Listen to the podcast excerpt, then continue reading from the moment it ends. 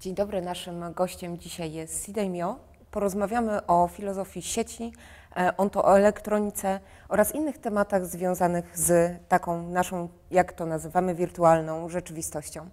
Przede wszystkim chciałabym zapytać, skąd rozróżnienie na taką wirtualność i realność, kiedy nasze interakcje z siecią, nasze interakcje, jak często na przykład widzimy po używaniu naszych smartfonów, są no tak czysto i po prostu realne.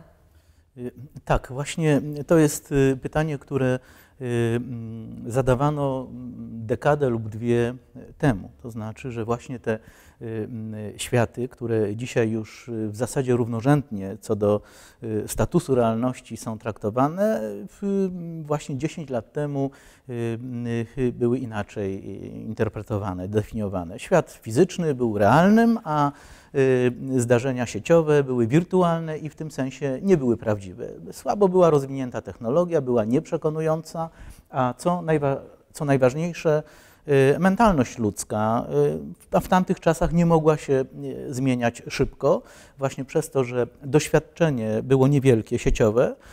Wraz z rozwojem technologii, a także przemian pokoleniowych, no, mm, to, to pojmowanie rzeczywistości wirtualnej jako rodzaju rzeczywistości alternatywnej do świata e, fizycznego e, jest o wiele łatwiejsze, intuicyjnie jest e, dopuszczane, przyjmowane przez użytkowników sieci. Stąd to są dwie, dwie realności, można powiedzieć. Realność tego, co sieciowe i realność świata fizycznego, dwa alternatywne światy. One się przenikają między sobą? To jest y, różnie, to jest wciąż przedmiot badań. Niektórzy y, stosują pojęcie augmentacji, czyli poszerzenia, że świat elektroniczny, rzeczywistość wirtualna jest właśnie poszerzeniem świata fizycznego, a niektórzy, do których y, ja należę, raczej idą w kierunku imersjonizmu, czyli że pomimo tego, że gdzieś tam na jakichś płaszczyznach są te wątki łączące, no na przykład człowieka, który przyjmuje tożsamość sieciową, ale jest jednak no, fizycznie tą jedną osobą, to jednak y, wolę to odróżnienie jednego świata od drugiego, y, stosując y, właśnie pojęcia filozoficzne, czyli że rzeczywistość fizyczna, no to jest ta, ten świat, w którym poruszamy się, taki prawda, metalowo, drewniano, szklany, no i świat elektroniczny, gdzie mamy do czynienia z materią elektroniczną.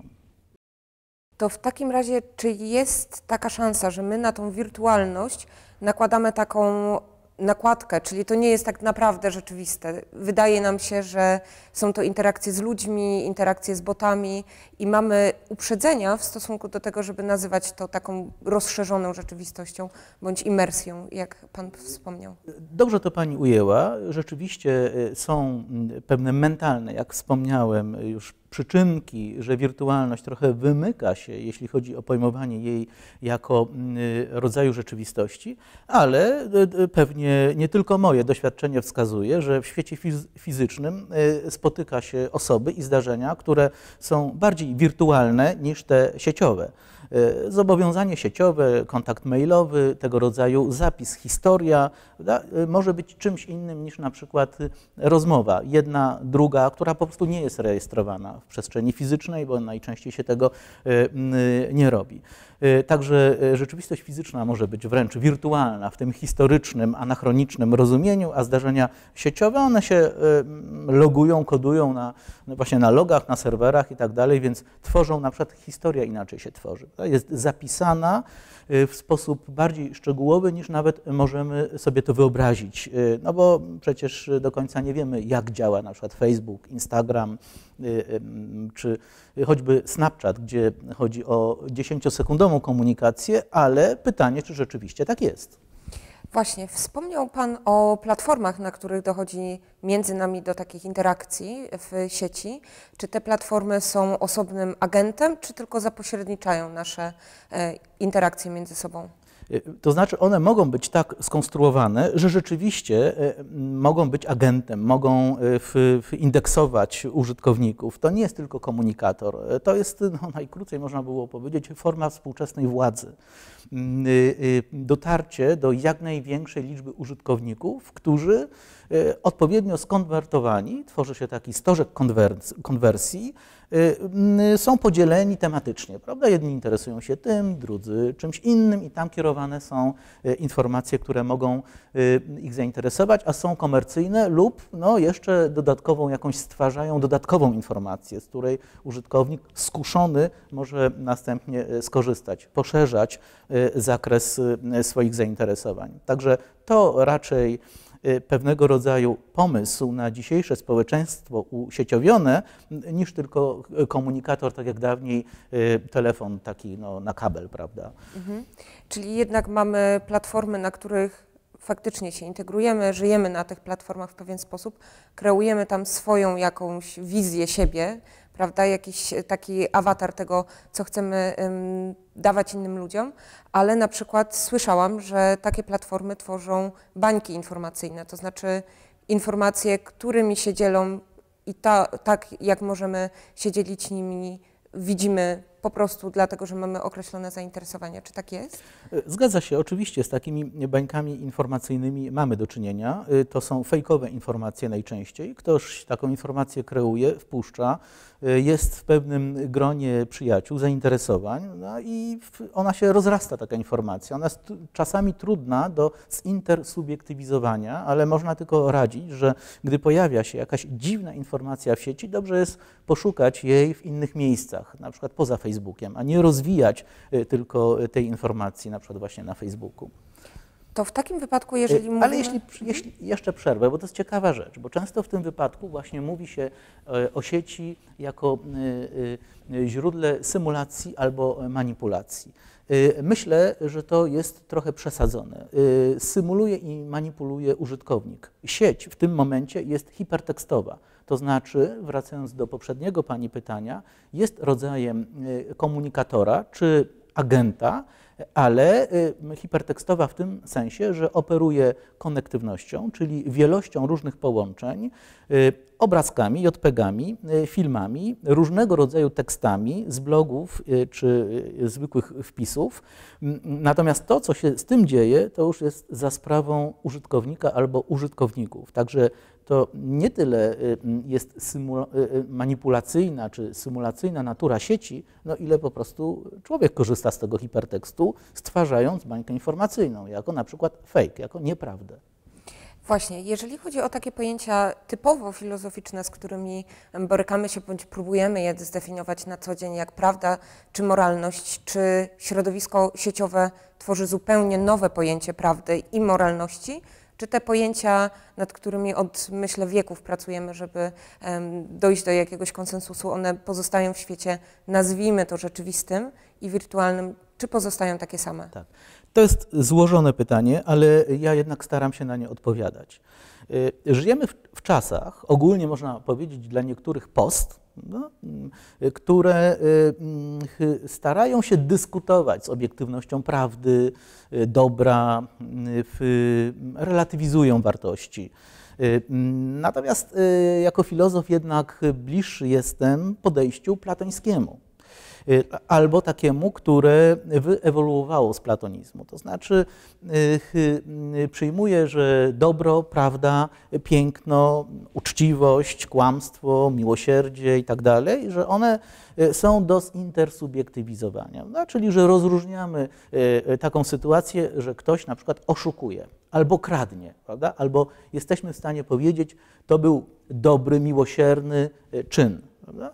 Y, więc w związku z tym y, pierwsza rzecz to to, że te pojęcia mają po stronie rzeczywistości jakiś desygnat, jakąś treść, no, czyli że z dobrem, prawdą i piękną spotykamy się, tylko że one nie są, y, nie mają żadnego koloru, nie mają żadnego, żadnej masy, nie, nie, nie, nie są w świecie trzywymiarowym, no, są poznawane intuicyjnie, jak się to w filozofii najczęściej mówi. I uważam, że one przenoszone są do sieci jako właśnie takie, czyli y, używając języka filozoficznego, transcendują, przenoszą, przekraczają granice świata fizycznego y, i y, plasują się, czy są implementowane przez człowieka, użytkowników w sieci. Ale nie sądzę, żeby traciły na swoim wymiarze etycznym tylko że działają w innym obszarze zdarzeń niż mm, przestrzeń fizyczna czyli że on tam również y, y, y, podlega emergencji pojawia się, y, bytuje, istnieje dobro, zło, prawda, nieprawda, piękno, brzydota i tak dalej, i one będą tak samo działały, to jest ten sam mechanizm co w świecie fizycznym, tylko że na innym gruncie, czyli właśnie tym elektronicznym będą się pojawiać. A co jeżeli użytkownik nie rozpoznaje tego gruntu jako no, takiej samej platformy dla tych wartości moralnych? To znaczy, że jest na przykład osobą dobrą na co dzień, ale w sieci lubi y, komentować bardzo negatywnie albo no, można sobie wyobrazić w sytuacje, w których taki użytkownik jednak nie postępuje tak samo moralnie jak w świecie rzeczywistym? Tak, no to, to jest pytanie o naturę ludzką, która dla mnie jest niezgłębiona, e, ale e, być może jest tu jakiś wymiar edukacji filozoficznej, na przykład właśnie pojmowania wartości e, moralnych jako rodzaju bytu, no to jest takie igranie z aksjologią, czyli z teorią wartości. No pewnie nikt nie chciałby, żeby tak naprawdę ktoś inny igrał y, z dobrem, które jest do niego odnoszone, prawda? Y, czy z prawdą, prawda? Igranie z prawdą. No, też pewnie ludzie by chcieli tego uniknąć. Jeżeli się tak dzieje, no to właśnie pewnie natura ludzka, jakieś takie rozluźnienie, próbowanie, Y, mm, czy to w stosunku do jakiegoś człowieka, czy jakiejś przestrzeni, w tym wypadku wirtualnej, y, no być może tam y, jakiś jest bodziec, prawda, który powoduje to, że mm, popuszczone są te granice, cugle moralności i nagle okazuje się, że mamy trola, mamy właśnie twórcę bańki informacyjnej, mamy osobę manipulującą informacją sieciową, co oczywiście jest złe. Mhm. Czy my tworzymy w sieci w takim wypadku takie awatary, dzięki którym mamy ten bufor, że to nie dzieje się naprawdę. To znaczy, ja nie wchodzę naprawdę na profil jakiejś gwiazdy i naprawdę nie mówię jej, że na przykład w danej rzeczy źle wygląda. Wyobrażam sobie sytuację, że nigdy bym um, czegoś takiego nie powiedziała na żywo, ale tworzymy jakiś taki swój um, awatar, czy to w grach, czy to faktycznie w różnych e, profilach social media. E, jak istnieją takie awatary, jeżeli chodzi o ich status ontologiczny? To jest, e, to jest budowanie tożsamości sieciowej. To, to najczęściej jest, to można nazwać rodzajem alter ego. To może być kompensacja. Komuś czegoś brakuje w świecie fizycznym, więc w związku z tym wchodzi do sieci, buduje awatara i ten awatar realizuje cele, czyli ta osoba poprzez awatara realizuje cele, których nie jest w stanie osiągnąć w świecie fizycznym. Przez moją no już w tej chwili 13-letnią, 13-letnie bytowanie w Second Life w Akademia Elektronika spotkałem mnóstwo osób, które będąc albo odmienne w świecie fizycznym płciowo, wiekowo, Y, y, tworzące zupełnie inny obszar zainteresowań właśnie w Second Life. Znakomicie sobie y, dawały radę, była to duża, znaczna składowa ich egzystencji, ich życia i tutaj awatar był wykorzystany jako rodzaj tożsamości, tożsamości sieciowej, o którego to awatara też trzeba odpowiednio zadbać. No tak jak na przykład na Y, konto na Facebooku. Też dobrze jest o nie dbać, a nie robić z nim wszystko, co popadnie, bo najczęściej to się y, pewnie źle y, skończy. To, są, to, to jest to, że budując na przykład właśnie swojego awatara od wielu, kilkunastu lat, on nam pełni w Akademia Elektronika pewne role, prawda? ale to są pewne funkcje, które zdecydowałem się tam pełnić w Second Life Akademia Elektronika i nie inne, prawda? Czyli, że e, gdyby to miały być inne, jakieś, domniemane, to, to pewnie bym nie chciał, żeby Sidejmio, e, mój awatar akademicki, zmienił swój charakter. Jest z nim dobrze i mam nadzieję, że jemu jest dobrze ze mną. To jest właśnie albo, jak niektórzy mówią, augmentacja, w tym wypadku osobowości czy tożsamości, albo mm, raczej w moim przypadku taka odmienność, prawda? No ja tam pozostaję filozofem, no ale, y, mm, ale, mm, ale troszeczkę y, Sidejmio i Michał Ostrowicki się od siebie różnią, prawda? to znaczy już coraz bardziej jestem Sidejmio i mam nadzieję, no, że to już tak będzie trwać, że zamienię się w niego całkowicie, prawda? No, biologiczny awatar pozostanie taki sam i będzie pewnie z biegiem czasu się zmieniał, ale tamten pewnie będzie coraz bardziej przejmował ducha, osobowość, prawda? intencjonalność, potrzeba mówienia, potrzebę mówienia o pewnych filozoficznych sprawach. Także uważam, że to jest ważne i cenne, że współczesna mm, technologia daje nam szansę stworzenia awatara czy tożsamości sieciowej. Każdemu tego życzę. Właśnie po to, żeby sądować, zbadać samego siebie i wzbogacić własną osobowość w ten sposób. Czy ta elektroniczna antroposfera jest takim miejscem, w którym możemy stworzyć dosłownie wszystko to, co no, wymyśli nasza wyobraźnia? Tak się mówi i wierzę, że tak jest, ale no, y, y, Tutaj empirycznie tego nie sprawdziłem. Ja generalnie współpracuję z wieloma osobami.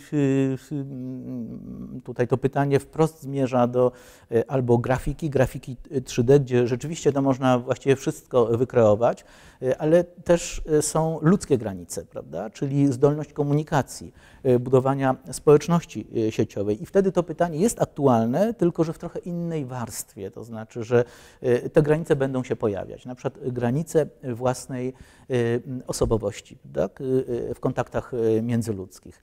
Myślę, idąc na przykład za stwierdzeniami Wolfganga Welsza, że to jest elektroniczny raj da?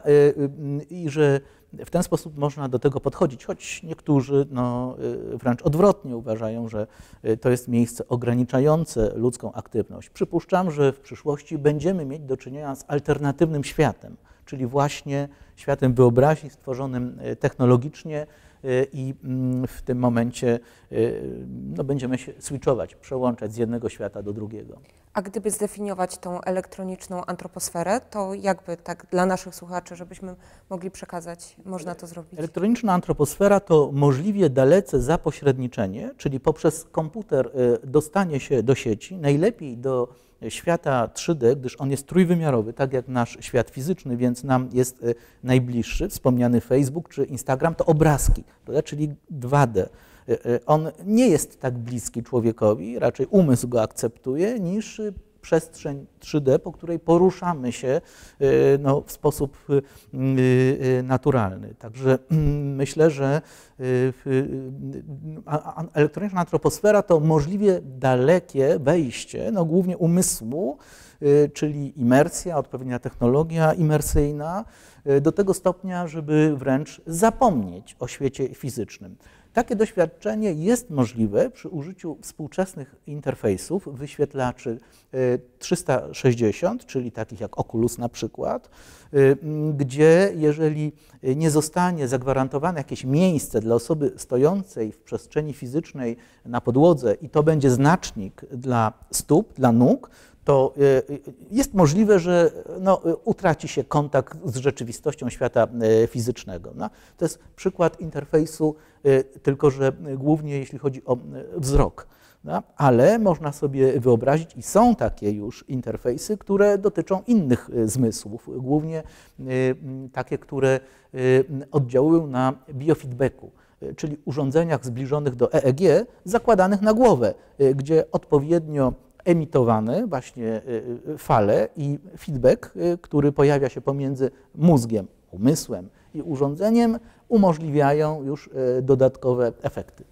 A co w wypadku, gdy możemy sobie wyinterpretować, że to nasze ciało ogranicza nasze interakcje z siecią i wracamy do starego i znanego, mam nadzieję, wszystkim pomysłu mózgu w naczyniu? Tak, e, to jest Hilary Putnam, właśnie Brain in Watt. No, ta idea oczywiście pociąga za sobą konsekwencje właśnie takie, że y, człowiek może się odciąć od y, świata fizycznego, no, ale może zabrzmi trochę prowokacyjnie, no może tak być. To znaczy przecież ludzie różne rzeczy robią w życiu, różne decyzje podejmują, często niszczące, często wątpliwe dla wielu osób. Tutaj chodziłoby raczej o wybór, taki, który nazywało się, jeszcze czasami się to nazywa non-life, prawda? Człowiek, który tak dużo czasu spędza przed komputerem, e, że e, właściwie no właśnie ogranicza kontakty ze światem fizycznym. W potoczności, oczywiście to złe, no bo mm, nie wychodzi z domu, nie ma kontaktu ze znajomymi, ale tak szerzej patrząc na to, właśnie technoantropologicznie, to jeżeli ktoś podejmuje taki wybór i coraz więcej czasu spędza przed komputerem, no to można się zastanowić, dlaczego, do czego to prowadzi. Jeżeli nie wyniszcza się biologicznie, to tam ma swój świat znajomych, bliskich, gry komputerowe, gry wideo, światy i tak dalej. Nie czyni zła. Jedynie co być może popełnia błąd. No, no, no tym, tym, kryterium czynienia zła w stosunku do innych, to kryterium jest bardzo ważne, prawda? ale podkreślam, ludzie różne rzeczy ze sobą robią, a zapośredniczenie, czyli funkcjonowanie e, w sieci, wydaje mi się, no, że mimo wszystko i tak jest naturalnym stanem rzeczy i to pogłębiającym się. A czy w e, elektronicznej antroposferze spotkamy byty, które nie do końca mają swoją genezę w świecie, no nazwijmy to biologicznym, realnym? Czy sztuczna inteligencja jest też jakby czynnikiem, agentem, a być może jedynie taką platformą, na której też funkcjonujemy? To jest y, bardzo interesujące, dobre pytanie. Pytanie y, na nasze czasy, dotyczące, no, tak jak Pani powiedziała, głównie elektronicznej antroposfery, czyli zjawisk sieciowych. I tutaj mogę powiedzieć, że mm, prawdopodobnie mamy do czynienia z AI w różnych miejscach w sieci, choć niekoniecznie musimy o tym wiedzieć, tak jak na przykład boty tworzą linkowania w Wikipedii, swoje imiona nawet mają. Y, y, czy jak można porozmawiać tu i ówdzie z botem na jakichś stronach, na przykład komercyjnych, prawda, informacyjnie. Y, no, to jest ciekawa sprawa, dlatego że sztuczna inteligencja, zwłaszcza wcielona w roboty, ona może się okazać no, kwintesencją człowieczeństwa, przynajmniej dla niektórych osób. Prawda? Na zasadzie, że taki bot jest zaprogramowany pod psychę danego użytkownika czy użytkowniczki.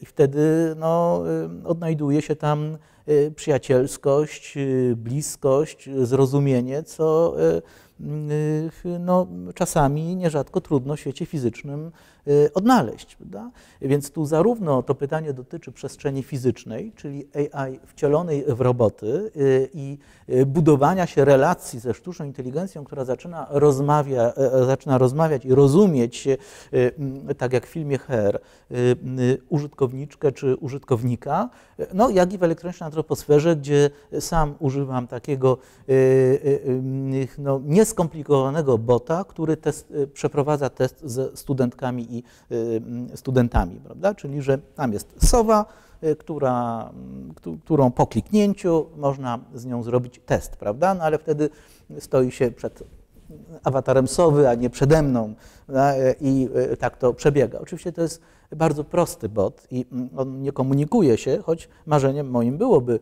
Y, żeby bot za mnie przeprowadzał egzaminy, ale to jeszcze pewnie przyszłość. To tak na koniec pytając o sztuczną inteligencję, y, czy widzi Pan jakiś bastion, którego my jako ludzie nie chcemy oddać sztucznej inteligencji, żeby uznać ją za realnie funkcjonujący byt? Y, jest prowadzona dyskusja, biorę w niej udział i to zresztą to światowa dyskusja jest odnośnie pojęcia i fenomenu kreacji. Mm, wiemy, że w sztuce sztuczna inteligencja znakomicie sobie radzi. Ostatnio został sprzedany obraz, który namalowała AI na aukcji. Ale właśnie chodzi o to, że pytanie jest takie, czy sztuczna inteligencja kreując sztukę wie, co robi? Czy ma świadomość tego, że może nowy kierunek w sztuce w ramach pojmowania sztuki przez człowieka stworzyć. Czy na przykład będzie tylko dobrze malować w stylu Picassa. Tak dobrze, że nawet można zostać oszukanym odnośnie tego, czy namalował to Picasso, czy komputer. Więc jeżeli miałbym wskazać jakąś właśnie mm, cechę człowieka, to być może byłaby to, byłoby to właśnie kreacja i to kreacja artystyczna. Y, y, Chciałbym, żeby to była też filozofia, y, ale tutaj robo- roboty dobrze filozofują, więc no, mm, pytanie, czy, czy nie będzie to powierzchowne, czy, czy mm, będą mogły głębiej zrozumieć, czym jest metafizyka, teoria bytu, różnych rodzajów rzeczywistości, czy będą tylko operować słowami i wtedy to jest dobra układanka. A właśnie odczuwanie emocji, tak intuicyjnie sądzę, że to... Tutaj wchodzimy, y, to jest kolejny, e- y, kolejny, kolejna rozmowa, kolejny etap, y, hybrydyzację, bo rzeczywiście zjawisko qualiów, czyli tego, co ma człowiek odczuwając rzeczywistość, nawet może być tak, że jesteśmy tutaj mm, wzrokiem skierowani w jakąś tam przestrzeń, patrz- patrząc na wspólną przestrzeń, to jednak z tyłu mamy poczucie tego, że coś tam się znajduje, prawda? To, to, to, to nie musi być zracjonalizowane albo zdetektowane mm, w, w, w 100%. Y, Qualia to właśnie doświadczenie świata, prawda? które dokonuje się, jak twierdzi się, przy pomocy y, biologizmu, y, przetwarzania się informacji w, mm, w, w mózgu, tworzącej umysł, no taki właśnie jak człowiek, tak jak pani wspomniała, odczuwa, na przykład emocjonalność, uczuciowość, y, y, czy y, odniesienie tego rodzaju do świata. Mm, Pytanie jest takie, czy roboty i sztuczna inteligencja posiadałyby qualia, bo wiemy, że te qualia są takie para qualiami, to znaczy, że robot będzie świetnie rozpoznawał gatunki wina, tylko nie wiadomo, czy będzie mu to smakowało, prawda? albo y, czy w ogóle skorzysta z wina. Y, Natomiast jakby się okazało, że y, co też warto zaznaczyć, że to jest dyskusja światowa, że w ramach hybrydyzacji, czyli połączenia tego, co biologiczne z niebiologicznym, uzyskałoby się jakiś konsensus, jaki to nie wiem. Chodzi o to, że y, łączymy jedną sferę z drugą, no to wtedy niewykluczone, że w ramach posthumanizmu i cyborgizacji będziemy mieć do czynienia z nowymi obywatelami Ziemi z postczłowiekiem, który będzie zhybrydyzowany, scyborgizowany na takim poziomie, że będzie mieć to znaczenie dla jego psychę, odczuwania, no pewnie też będzie wtedy wzmocniony poznawczo, czyli że y, tak jak okulary wzmacniają wzrok, tak y, y, pozbycie się ok- okularów, tylko ich technologiczne wniknięcie do nerwu wzrokowego i mózgu spowoduje to, no, że może y, lepiej widzieć. Prawda? Już takie soczewki są konstruowane. Dobrze, bardzo serdecznie dziękujemy. Dziękuję również.